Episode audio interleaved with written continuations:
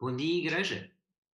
Espero que todos estejam bem e estamos a ver o tempo a mudar. Temos hoje um lindo dia de sol e vemos que também à noite estamos a ficar com mais horas de luz. Por isso, o verão, primavera já está aqui, o verão está a chegar e esperamos que também com, com estas mudanças de tempo, com a vacinação, que o país também está, vai continuar a melhorar em termos de pandemia.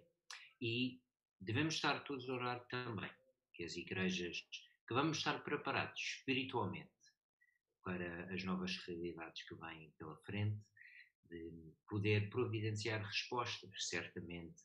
Uh, há vários aspectos da vida social do, do, país, da vida económica que têm sido afetados e devemos ver com olhos espirituais como é que nós podemos ser sal e luz nas mãos de Cristo nesta situação, pois este é o papel do discípulo de Cristo.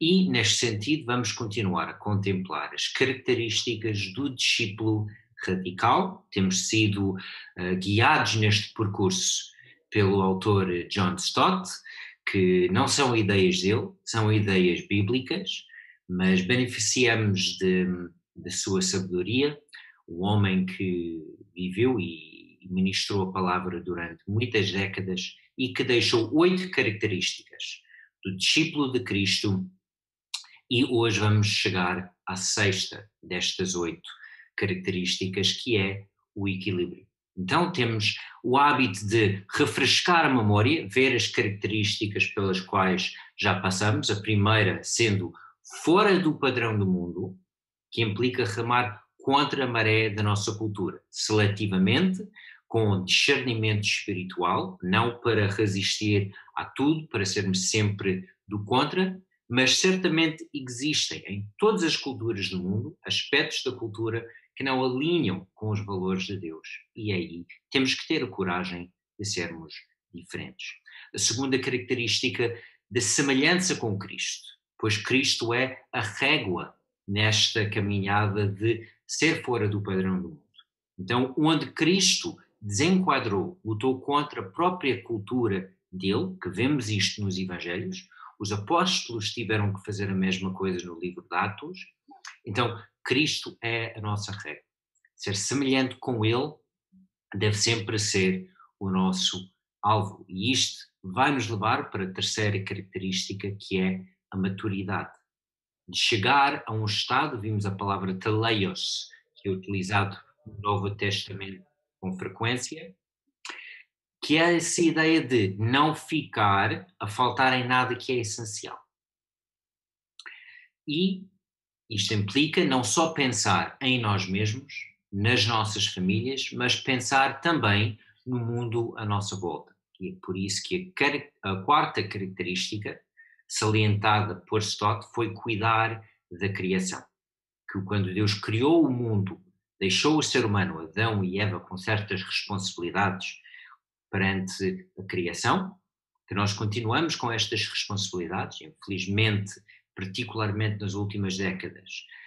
Nós, os seres humanos, talvez não temos feito a melhor gestão do planeta. E temos que melhorar neste sentido, temos que fazer parte da solução, não apenas por convicções ecológicas, mas por convicções cristãs, porque isto é coerente para com a Bíblia, para com os princípios da nossa fé. E uma parte disto passa pela característica da simplicidade, de escolher viver uma vida simples, com menos impacto no planeta, certamente, mas também para poder maximizar o nosso impacto em prol da eternidade.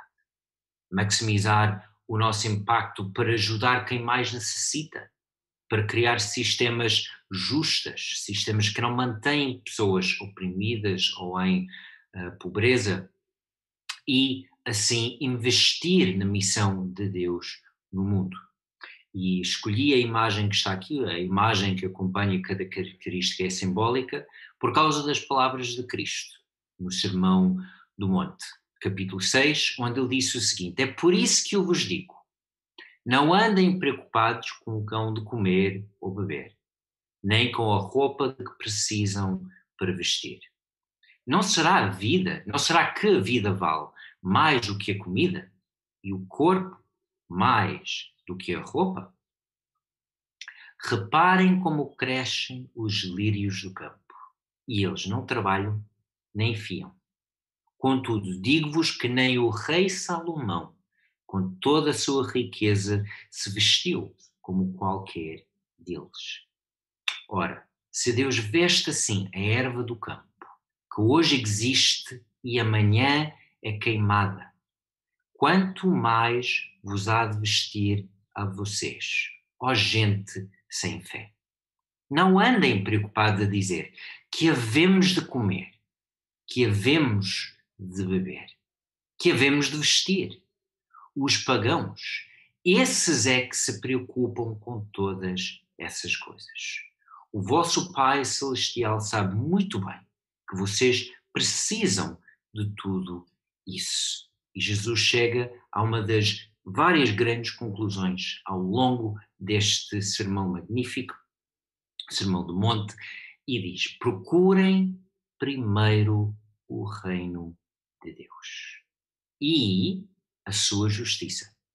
Um dos três aspectos da simplicidade que vimos ao longo dos últimos dois domingos do estudo, que nós devemos viver uma vida de simplicidade para investir no evangelismo, na ajuda àqueles que necessitam e também na justiça, faz parte das instruções de Cristo aqui também. Procurem primeiro, acima de todo o resto, o reino de Deus e a sua justiça.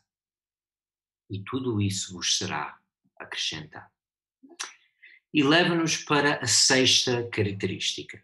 Quem sabe cultivar esta simplicidade está bem equipado para viver uma vida de equilíbrio, sem exageros, por outro lado, sem deficiências, sem ficar com algo essencial que devia fazer parte do pacote e não faz. Mas, por outro lado, também não há espaço para exageros. É como quem anda naquelas cordas. Há pessoas que treinam isto, eh, pessoas que ultrapassam o Niagara Falls nos Estados Unidos ou que passam entre prédios muito altos e não há espaço para exagero. Tudo tem que estar muito bem equilibrado para conseguir atravessar naquela corda. E por isso vale a pena perguntar que tipo de equilíbrio, biblicamente, é que está em vista. Pois existem de facto diferentes tipos de equilíbrio. Existe equilíbrio no sentido de igualdade, de ter um pouco de tudo. 50-50, ou talvez ainda melhor, 25-25-25-25. E nós temos vários ditados da língua portuguesa que vão neste sentido. Nem tanto ao mar, nem tanto à terra. Também pela negativa é esta ideia de distribuir o mal pelas aldeias. Se cada aldeia sofre um pouco, é melhor do que uma só aldeia ser esmagada com sofrimento. Então é esta ideia, talvez, que é mais enfatizada na nossa cultura. Não queremos nem 8, nem 80, os meios termos é que é o mais feliz, mas a minha pergunta é: será que, biblicamente, é esta a noção de equilíbrio que nós encontramos nas Escrituras, pois existe um outro conceito de equilíbrio, que é o que nós encontramos, por exemplo, na música, onde num coro nós temos várias pessoas a cantar, mas não são todos a cantar a mesma nota. Existe o conceito de harmonia, de cada pessoa ter uma nota, e as notas até podem ser diferentes, mas o conjunto é mais rico é mais completo do que se fosse toda a gente a tentar acertar na mesma nota. E é isso que, também que acontece nas sinfonias, onde nós temos várias pessoas a tocar instrumentos cada um com o seu papel e é o conjunto que é rico, que é convincente. Então, a questão é, será que nós, em vez de ter pouco, pouco, pouco, pouco, pouco de tudo, porque num coro, numa sinfonia, não é possível ter pouco de tudo. Alguém que está a tocar violino não consegue tocar um pouco de uma nota e um pouco de outra. Só pode tocar uma nota. Alguém que está a cantar não consegue cantar duas notas ao mesmo tempo. Então é por isso que é escolher um conjunto de elementos complementares. Pois não pode ser qualquer nota. Quem está a cantar no coro não é, ah, eu sinto-me que eu devo cantar nota tal. Não, está tudo combinado. Existe dentro da música notas que se complementam, notas que também chocam, e é por isso que há os ensaios e há todo este trabalho por detrás. Então é uma questão de escolher um conjunto de elementos que se complementam, que eliminam exageros, que podem até ajudar se, se há alguém que está ligeiramente fora o conjunto do grupo, até consegue ajudar alguns dos elementos mais fracos. Então devemos perguntar que tipo de equilíbrio é que está em vista. E ao longo deste capítulo no livro Stott abordou o texto de 1 de Pedro, capítulo 2, que vamos partir em dois blocos. Vamos ver o primeiro bloco hoje e o próximo bloco para a semana. Então, o apóstolo Pedro vai usar várias metáforas ao longo deste texto para mostrar vários aspectos da identidade do discípulo de Cristo. E devemos perguntar: Será que o apóstolo Pedro está a contemplar que cada cristão deve ter um pouco de cada elemento? Ou será que ele está a descrever um conjunto de elementos que complementam-se e que devem caracterizar a 100% a vida de todo e qualquer discípulo de Cristo? Então, versículo 1. Deixem, portanto, toda a espécie de maldade, toda mentira fingimento, invejas e murmurações. Então, o apóstolo Pedro, este é o segundo capítulo, já falou várias coisas antes e até estudamos primeiro de Pedro capítulo 1 há uns meses atrás, um, no ano passado. Então, o apóstolo Pedro diz: com base nisto, há coisas que não podem fazer parte do conjunto. A maldade, a mentira, o fingimento, a inveja, a murmuração. Ou seja, cada um a querer ter o que o outro tem, a falar contra o outro nas costas, nos bastidores, de manipular as informações, de contar meias verdades, tudo isto não pode fazer parte do pacote. Ponto final. Estas não são qualidades do discípulo de Cristo.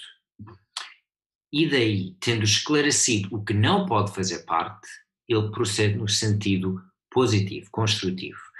Versículo 2: Como crianças recém-nascidas, desejem o leite espiritual e puro, para com ele crescerem para a salvação, se é que já saborearam como o Senhor é bom. E que ele usa a ideia da criança recém-nascida, uma que é totalmente dependente dos pais para sobreviver, mas que necessita deste leite, deste alimento, com uma finalidade: crescer. E, da mesma maneira, o apóstolo Pedro está a incentivar os discípulos. Vocês que nasceram de novo, vocês não devem permanecer bebês para sempre na fé. Necessitam de alimento espiritual para crescer nesta salvação que vocês aceitaram em Cristo Jesus. E ele continua: aproximem-se do Senhor, que é pedra viva, rejeitada pelos homens, mas escolhida e de muito valor aos olhos de Deus.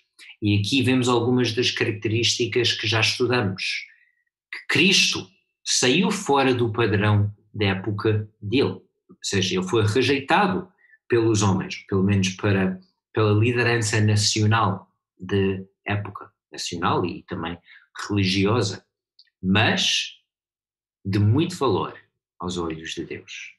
E para nós deve também ser esse o nosso critério quando saímos fora do padrão da nossa cultura. É não preocupar tanto com a opinião dos homens, mas muito mais com os, o valor aos olhos de Deus. E isto implica seguir o exemplo de Cristo. Então, as características que já estudamos, vemos que também encaixam neste texto do apóstolo Pedro. E depois ele aplica a mesma metáfora a nós cristãos, no versículo 5. Entrem como pedras vivas na construção de um templo espiritual, para formarem um sacerdócio santo e oferecerem sacrifícios espirituais agradáveis a Deus por Jesus Cristo. E ele usa duas metáforas, ambas relacionadas com o templo em Jerusalém. A ideia de pedras vivas, que cada um de nós não é uma entidade separada, não somos ilhas, fazemos parte do mesmo edifício. E, neste sentido, precisamos uns dos outros. Uma pedra só não faz o edifício.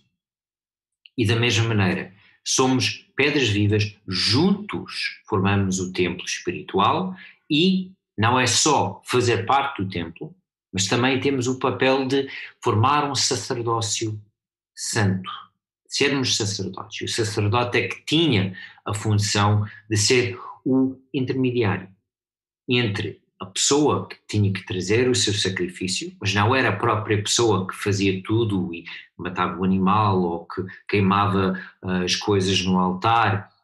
A pessoa trazia o seu sacrifício, mas era o sacerdote que tinha o papel de garantir que as coisas fossem feitas de acordo com a lei de Deus, de acordo com a sua vontade, e foi o sacerdote que apresentava depois o sacrifício a Deus, em nome da pessoa, ou em certas alturas do ano, em nome da própria nação. Então, nós também temos este papel. Nós somos os representantes de Cristo aqui na Terra.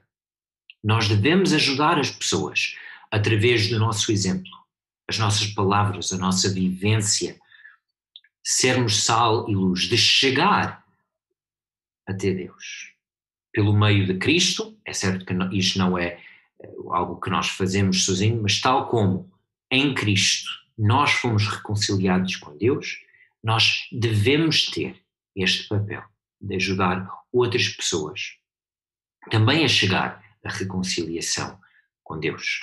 E essa ideia de oferecer sacrifícios espirituais agradáveis a Deus faz-nos lembrar Romanos 12, que já estudamos nesta série de mensagens, onde é dito que o sacrifício agradável a Deus é a nossa vida. Que nós somos sacrifícios vivos.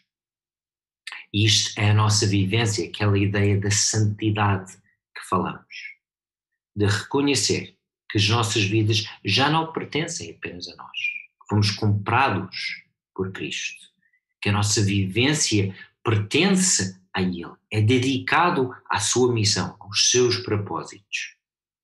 É isto que está implícito em sermos um sacerdócio santo.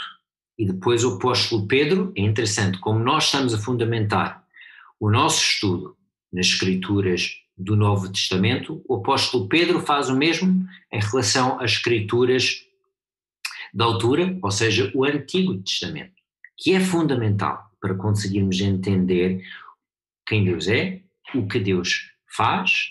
Muitas vezes nós talvez favorecemos o Novo Testamento, mas é muito difícil entender o Novo sem entender também o Velho. A Bíblia é um conjunto, é uma história com diferentes capítulos e devemos valorizar cada capítulo desta história. Então, Pedro cita o Antigo Testamento e diz: Por isso diz a Escritura: ponham em Sião a pedra principal do edifício, pedra escolhida e de muito valor. e quem acreditar nela não será desiludido. Como crentes, esta pedra é para vós de grande valor, mas para aqueles que não creem, cumpre-se o que diz a Escritura. Ele volta de novo ao Antigo Testamento. A pedra que os construtores rejeitaram tornou-se a pedra principal do edifício. E aqui novamente é esta ideia, fora do padrão. As pessoas rejeitaram, não entenderam os propósitos de Deus. Mas Cristo tornou-se a pedra principal. Tudo que nós façamos deve alinhar com o exemplo dele, com os propósitos dele. E neste sentido, Pedro fundamenta esta ideia nas Escrituras.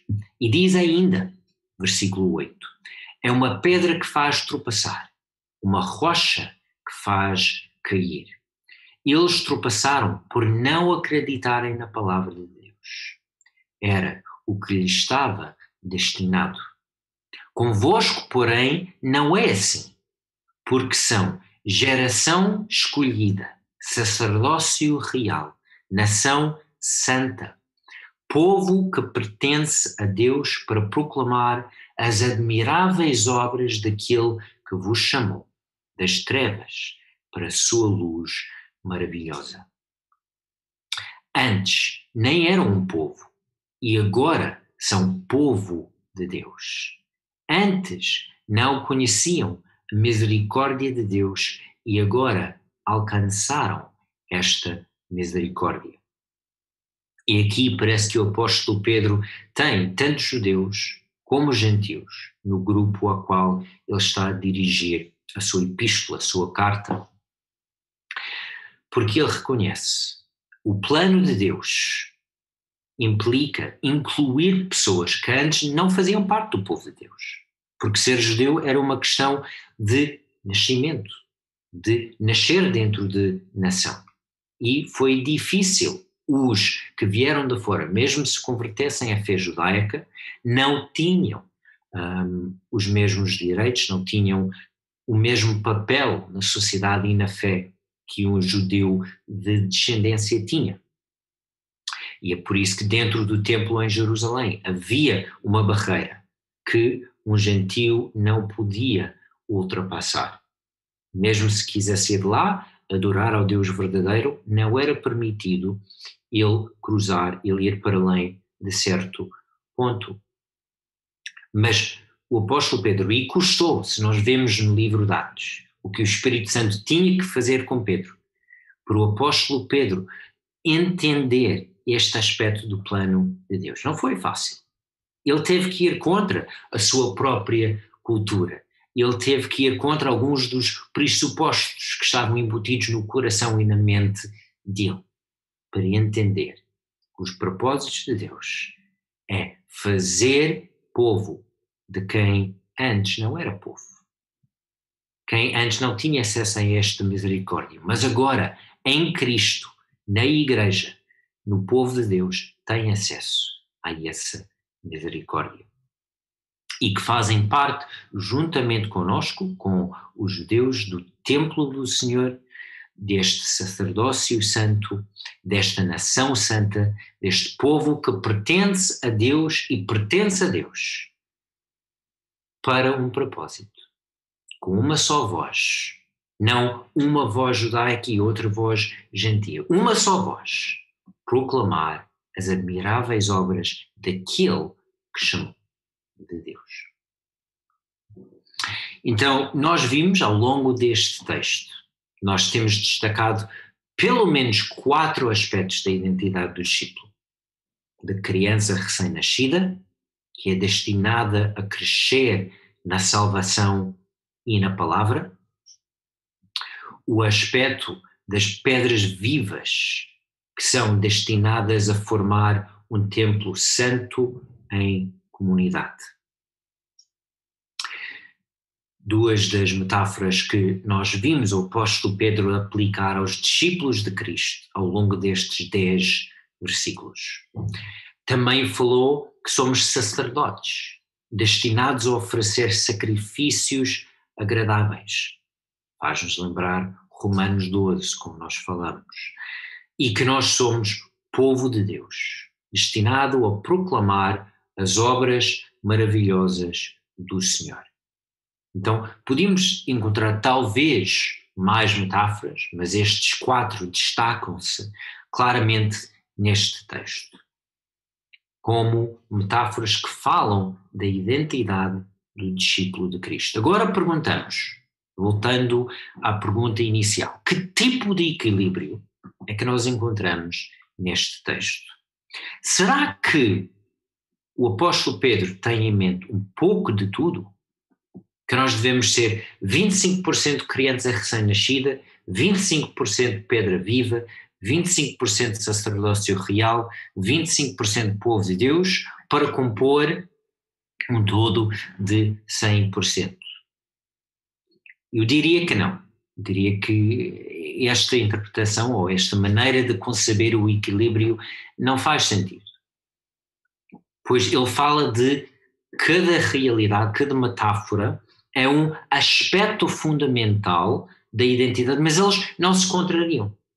Não há dificuldade em ver, pelo contrário, um conjunto harmonioso, onde nós somos 100% crianças recém-nascidas e, ao mesmo tempo, 100% pedras vivas e 100% sacerdócio real e 100% povo de Deus.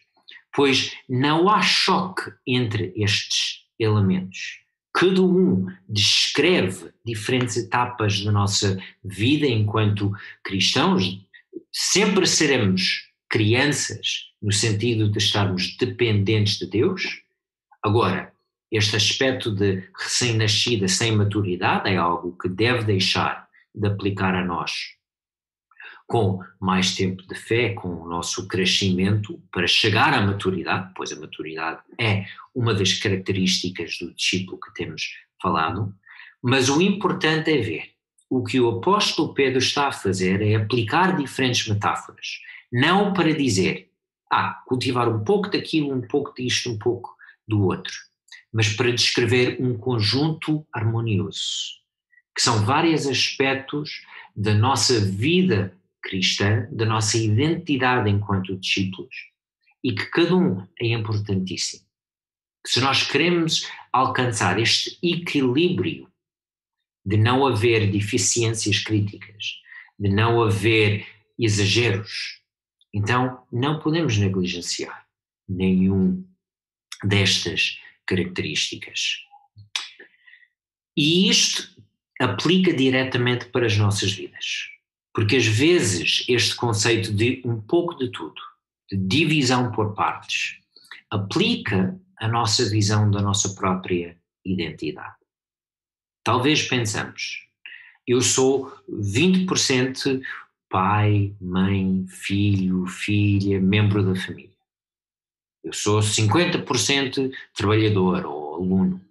Eu sou 10% discípulo, 15% amigo, 5% eh, adepto do, clube de futebol ou da pessoa que gosta de, filmes, ou pronto, todos nós temos a nossa maneira preferida de investir a nossa energia, o nosso tempo livre. Mas pergunto, à luz do texto bíblico, será essa a maneira mais que vais mais vai ajudar, mais contribua para uma visão saudável da nossa identidade?